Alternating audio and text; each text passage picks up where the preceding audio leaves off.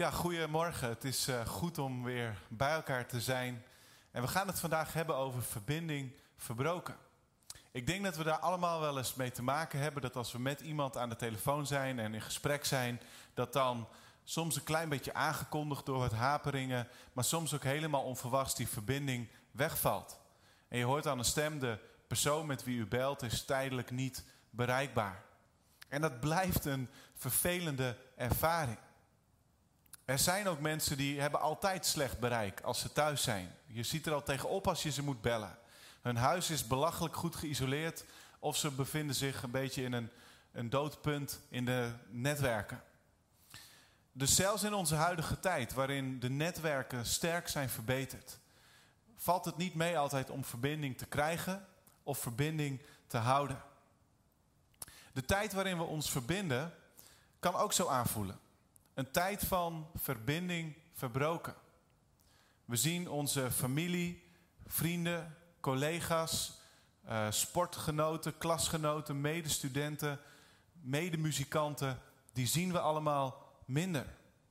En natuurlijk, op allerlei manieren zijn we nog verbonden met elkaar. Maar het is toch anders. En voor heel veel mensen is het gewoon ronduit moeilijk. Fysiek, of eh, liefde en verbondenheid hebben een sterke fysieke component.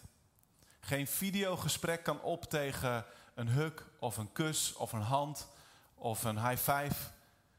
En dat merken we vandaag de dag. Daardoor is het ook dat eenzaamheid op dit moment enorm toeneemt. Onder allerlei mensen, maar vooral onder ouderen, alleenstaanden en onder fysieke en uh, verstandelijk beperkte mensen neemt de eenzaamheid toe. En dat heeft allerlei emotionele, psychische en sociale gevolgen. Het is bijzonder om te zien hoeveel mensen opstaan om iets voor een ander te betekenen. En ook als gemeente doen we daar ons best voor. Om meer om te zien naar elkaar en zeker naar de kwetsbare mensen die deel uitmaken van deze gemeenschap. We reiken uit naar buiten door voedingsmiddelen en financiën te verzamelen voor een aantal goede doelen die al genoemd zijn. Door uh, eh, 500 rozen uit te delen. Door kaarten en tekeningen en kleurplaten naar Grunziem op te sturen. Door ons aan te melden bij nietalleen.nl. En zo op allerlei manieren zoeken we de verbinding. Maar toch voelt het vaak alsof de verbinding is verbroken vandaag. En dat geeft ons misschien een hernieuwde waardering voor de tijd waarin we elkaar gewoon konden ontmoeten en omhelzen hier in dit kerkgebouw. Het, het, het, maakt ons ook dat we op een vernieuwde manier toewijden aan de relaties die we hebben. Dat we naar nieuwe manieren moeten zoeken om toch op de hoogte te blijven van elkaar. Met vernieuwde aandacht voor de mensen voor wie het altijd al moeilijk was om contact te zoeken. En we hebben hopelijk een vernieuwde vastberadenheid om zoveel als mogelijk van betekenis te zijn voor anderen. Binnen de mogelijkheden die er vandaag wel zijn. Nog even terug op dat telefoongesprek.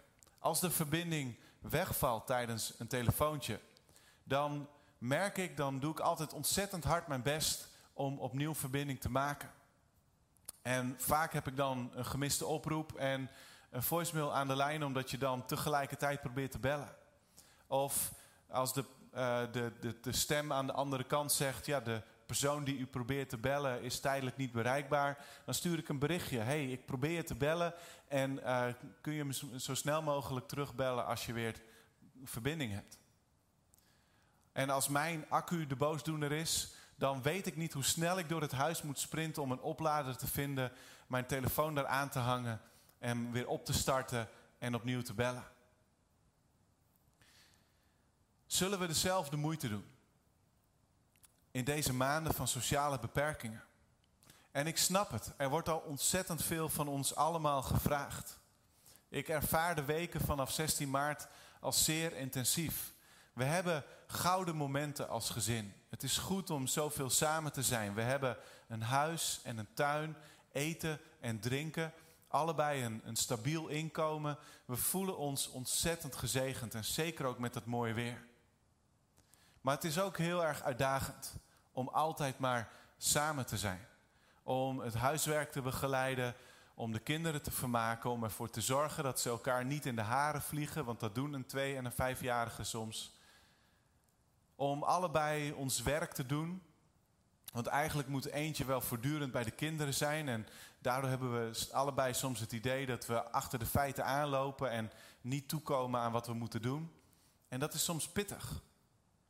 En ik vertel het omdat ik begrijp, je hebt al ontzettend veel ballen in de lucht te houden. Van gezin, van werk, van huishouden. En dus zijn alle vragen die binnenkomen om iets te betekenen voor de stad, of om een tiende videoontmoeting op een dag te hebben samen met je connectgroep of het team waarmee je samenwerkt.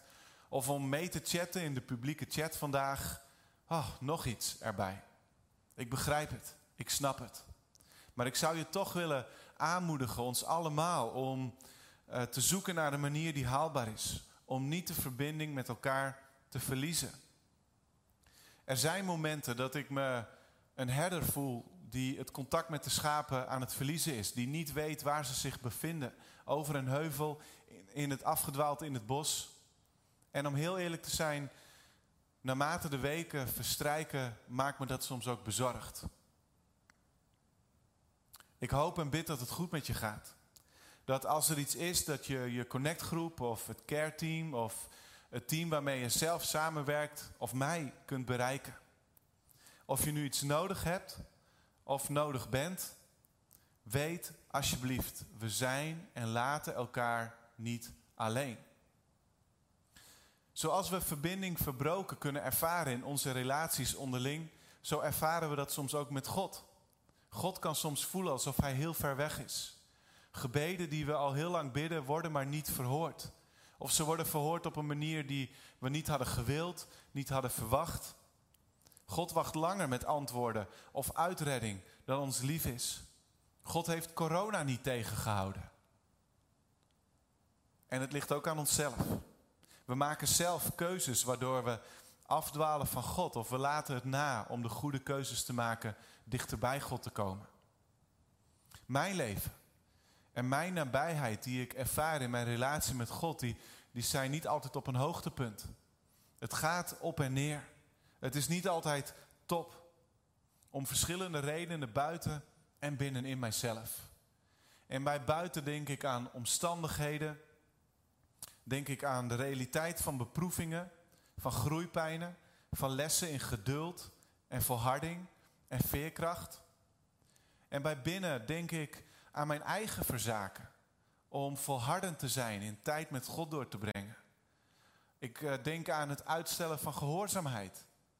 Soms weet je wat je moet doen, maar je laat het na omdat het oncomfortabel is, omdat het niet gemakkelijk is. Als jij vandaag hier bent en je relatie met God is er nog niet echt, is een smeulende herinnering uit het verleden of staat op een laag pitje, wat de reden daar ook voor is, God wil vandaag de verbinding met jou herstellen. En ik wil je aanmoedigen om dat te doen. God is nooit offline. Er zijn geen blind spots in de dekking. En om het zo maar te zeggen, het abonnement is gratis. Je hoeft er niks voor te betalen. Waarom zou je willen verbinden met God? Ik denk als we kijken naar het leven van Joshua dat we een aantal goede redenen vinden om ons te verbinden met God. Joshua is een man die voor grote uitdagingen, crises en onmogelijke opgaven stond in zijn leven. En toch, aan het eind van zijn leven wordt er van hem gezegd dat het volk Israël, zolang hij leefde, gehoorzaamde aan God. En ook nadat hij stierf, hield het volk zich aan de geboden van God, zolang er leiders waren die met Joshua waren opgetrokken. Wat een fantastische erfenis. En die erfenis die heeft alles te maken met zijn verbinding met God. Er zijn drie redenen om ons te verbinden met de Vader. Allereerst, onze verbinding met God is onze beste voorbereiding.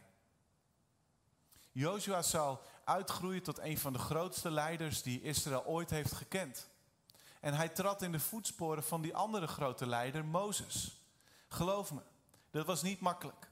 Mozes was een held, een leider zoals niemand ooit heeft gezien en zal zien. Hij was de man die altijd was opgekomen voor zijn volk. Die hen uit het land van hun overheersers had geleid. Die tussen beiden was gekomen toen God genoeg had van het volk. En hij zei, God, alstublieft, liever dat ik afscheid van u neem dan dat u afscheid neemt van dit volk. Mozes was een, een, een man die altijd had vastgehouden aan de hoop op het beloofde land. Ook al duurde die tocht door de woestijn op een gegeven moment 40 jaar. En hij overlijdt daar in de woestijn. Vlak nadat hij vanuit de verte dat beloofde land heeft gezien. En vlak voordat het land wordt binnengetrokken door zijn volk. Het feit dat Joshua de leider is die Mozes opvolgt, is een enorme opgave. En tegelijkertijd komt het niet helemaal uit de lucht vallen. We lezen in Exodus 33 het volgende. Wanneer het volk de wolkolom bij de ingang van de tent zag staan, en die wolkolom die staat voor Gods aanwezigheid, boog ieder zich voor de ingang van zijn tent neer. De Heer sprak persoonlijk met Mozes, zoals een mens met een ander mens spreekt. Daarna keerde Mozes terug naar het kamp, maar zijn jonge dienaar Jozua, de zoon van Nun, verliet die tent niet. Jozua was een man die van jongs af aan dicht bij God wilde zijn. En ik kan me voorstellen dat deze tekst verrassend voor je is. Het beeld van God wat velen van ons hebben is dat als Hij bestaat, dat Hij dan toch een God is die ver weg is, afstandelijk, streng. Maar zo leren we God niet kennen in de Bijbel. Zo kent Jozua Hem niet. Voordat Hij een leider is en menselijk gezien onmogelijke opdrachten moet vervullen, bereidt Hij zich zonder dat te weten voor, door dicht bij God te zijn. Als het je voor de wind gaat, als het leven op koers ligt. En zeker ook als er stormen zijn. Als je te maken hebt met uitdagingen en tegenslagen en teleurstellingen, dan is een persoonlijke, intieme relatie met God je stabiele kracht en rust. Zo'n intieme relatie vandaag de dag is nog steeds mogelijk. Omdat God zich in Jezus uitstrekte naar jou. En toen Jezus aan het kruis hing, en zijn armen uitspreidde. Toen zei hij, zoveel houd ik van je. En ik wil je omarmen. Ik wil een relatie met jou. Er zijn jongens en meiden die van kinds af aan weten. Ik wil profvoetballer worden. En ze weten wat ze daarvoor moeten doen. Gezond eten. Zoveel mogelijk op het voetbalveld staan. Trainen. Wedstrijden spelen. Leren van goede coaches en voetballers. En ze volgen op tv en op YouTube. Ze doen er alles aan om hun vaardigheden, conditie en spelinzicht te ontwikkelen. Ik weet niet wat jouw beroeping en roeping zal zijn of is vandaag de dag. Misschien weet je het zelf niet eens. Maar er is één manier waarop we ons allemaal kunnen voorbereiden op een roeping in de toekomst of een verdieping en groei van de roeping die we vandaag ervaren. Breng tijd door met God. Word iedere dag een tijdje stil. Schakel de, de massa afleidingswapens uit. Geef de strijd op. Laat de controle los en breng tijd door met God. Zing. Bid. Laat je noden bekend worden bij God. Toon je dankbaarheid. Wees stil. Lees de Bijbel. Je kan het op allerlei manieren doen. Er is niet één juiste formule, maar breng tijd door met God. En luister naar zijn stem. Dus onze verbinding met God bereidt ons voor. En ten tweede, onze verbinding met God vergroot ook en verbetert ons perspectief. Vorig jaar hebben we als gemeente een behoorlijk pittig jaar gehad en dat gold ook voor mij persoonlijk. Richting eind februari 2019 werd ik even helemaal overweldigd door alles. Onze voorganger Nicola, waar ik al 13,5 jaar met heel veel plezier mee samenwerkte, viel uit met een burn-out. We hadden ernstige ziekte in het oudste team. We hadden een aantal vakante taakgroepleiderposities. We hadden te maken met heel veel vragen naar aanleiding van een dienst. En zo waren er nog een aantal andere situaties. En ik dacht, God, hoe moeten we dit hebben? Ik kan dit helemaal niet aan. En op dat moment werd ik enorm bemoedigd en sprak God door een heel oud lied van Keith Green. Oh Lord, you're beautiful. God, u bent prachtig. Over onze relatie met God. En hoe ons hart soms koud en kil wordt. Maar God, wilt u het alstublieft weer verwarmen? En ik bracht tijd door met God. En God bevestigde die woorden met een aantal indrukken en een aantal Bijbelteksten. En ik heb een hele bijzondere tijd met God gehad. En ik was zo bemoedigd dat ik daardoor ook weer andere leiders kon bemoedigen en kon meenemen en kon laten zien, jongens, we komen hier doorheen. Het is Gods gemeente en we doen het met Hem. Deze tijd met God verbeterde mijn perspectief. En perspectief is belangrijk. Het is niet zo moeilijk om vandaag de dag bezorgd en angstig te raken door al het nieuws over wat het coronavirus is en de maatregelen en wat de gevolgen daarvan zijn en de e- economische consequenties. En ik geloof, angst en bezorgdheid zijn op zichzelf geen zonde. Maar de Bijbel maakt tegelijkertijd duidelijk dat het niet goed is om te blijven hangen in angst en bezorgdheid en om ook ons hoofd ernaar te laten hangen. Laten we opnieuw een stuk lezen over het leven van Jozua. Er staat in nummer 13 en 14 het volgende. We zijn in het land geweest waar u ons naartoe hebt gestuurd, vertelde ze aan Mozes. Werkelijk, het vloeit over van melk en honing. En deze vruchten groeien er. Maar daar staat tegenover dat de bevolking van het land sterk is. De steden zijn versterkt en heel groot. En ook hebben we er Enakieten gezien, reuzen. Er zijn nog allerlei andere volken die daar wonen. En Caleb die wilde voorkomen dat het volk zich tegen Mozes zou verzetten. Hij zei, we kunnen zonder probleem optrekken en het land in bezit nemen.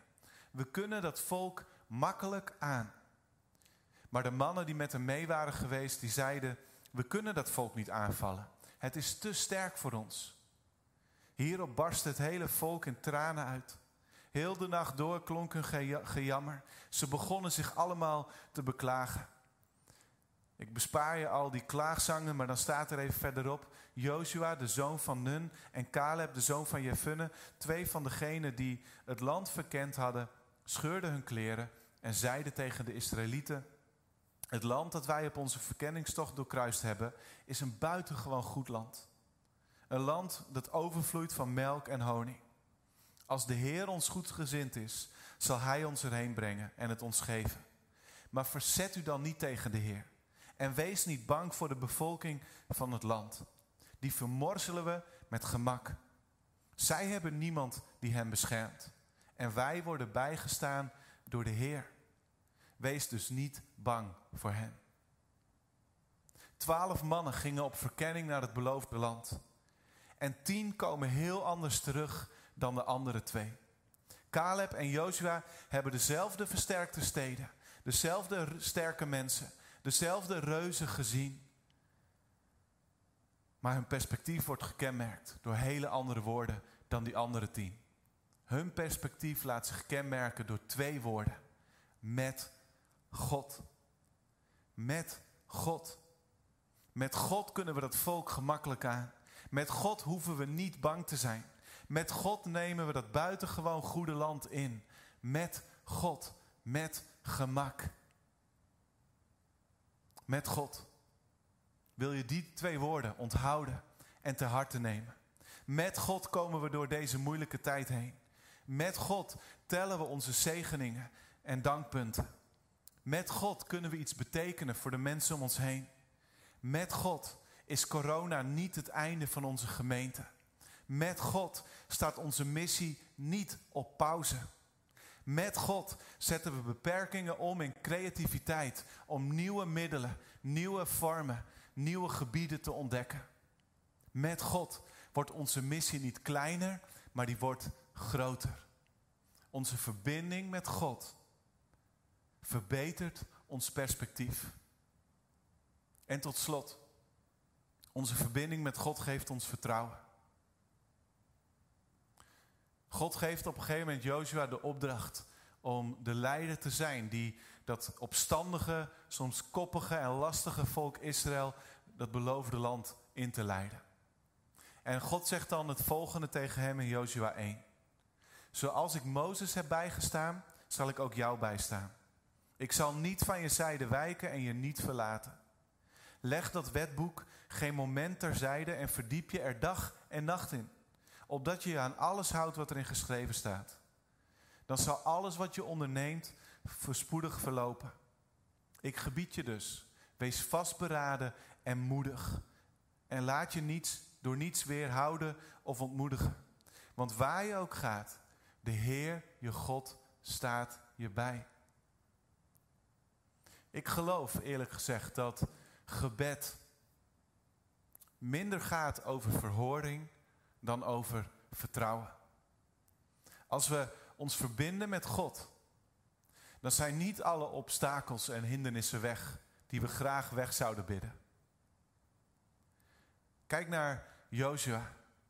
Als hij voor het beloofde land staat, dan moet hij dwars door de Jordaan met een heel volk.